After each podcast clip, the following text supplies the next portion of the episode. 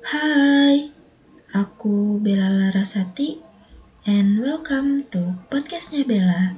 Yuhu.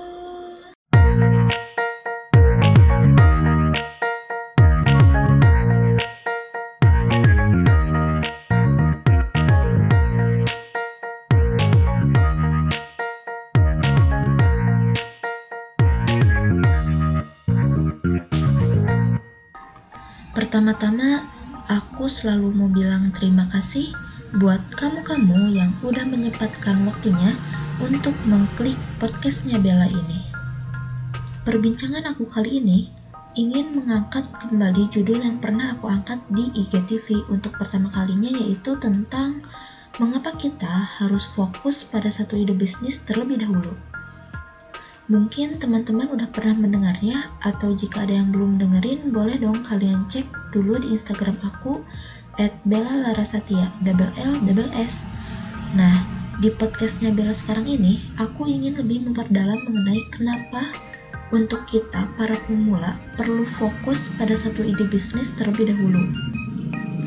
Sebagian orang beranggapan bahwa jika seorang pengusaha memiliki beberapa bisnis dengan bidang yang berbeda, bisa dikatakan dia adalah pengusaha sukses.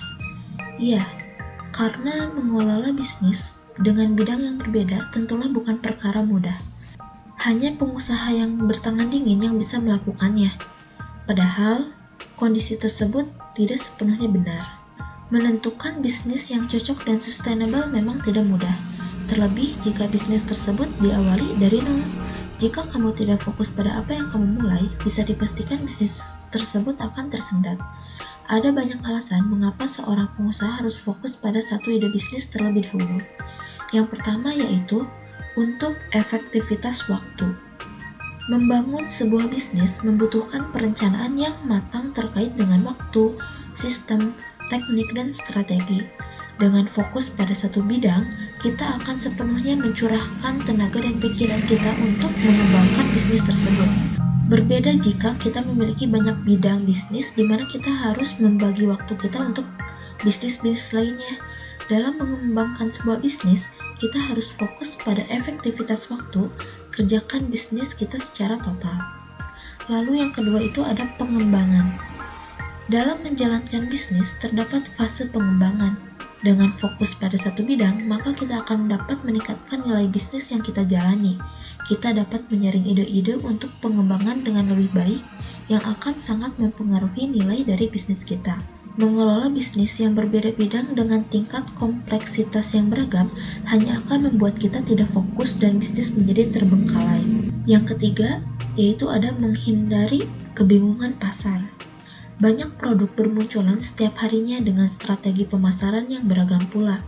Akibatnya, banyak yang justru mencampur adukan produknya dalam satu merek, sehingga pasar mengalami kebingungan terhadap image brand tersebut.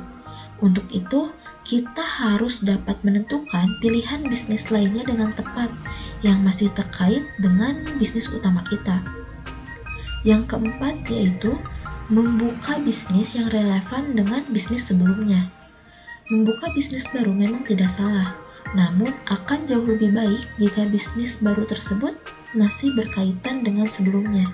Kita sudah memiliki pondasi dan sistem bisnis yang memadai, maka kita tinggal mengembangkannya dengan membuka bisnis lain yang dapat menunjang. Yang harus diingat dalam membuka bisnis baru adalah Pastikan bisnis kita sebelumnya sudah berjalan stabil, sehingga tidak mengganggu cash flow bisnis utama. Coach aku untuk hari ini, bisnis bukan bicara siapa yang menang, melainkan siapa yang bisa bertahan. Hmm, oke okay deh, mungkin pembahasan hari ini cukup. Buat kamu-kamu yang ingin diskusi bareng aku, boleh banget dong kalian berkunjung ke Instagram aku at Bella Larasatya, double L, double S, dan langsung DM aja atau bisa kalian email aku ke bellalarasati08 at gmail.com Oke, okay? aku Bella Larasati and stay continuous with podcastnya Bella and don't forget to hashtag bicara bisnis bersama Bella. Thank you.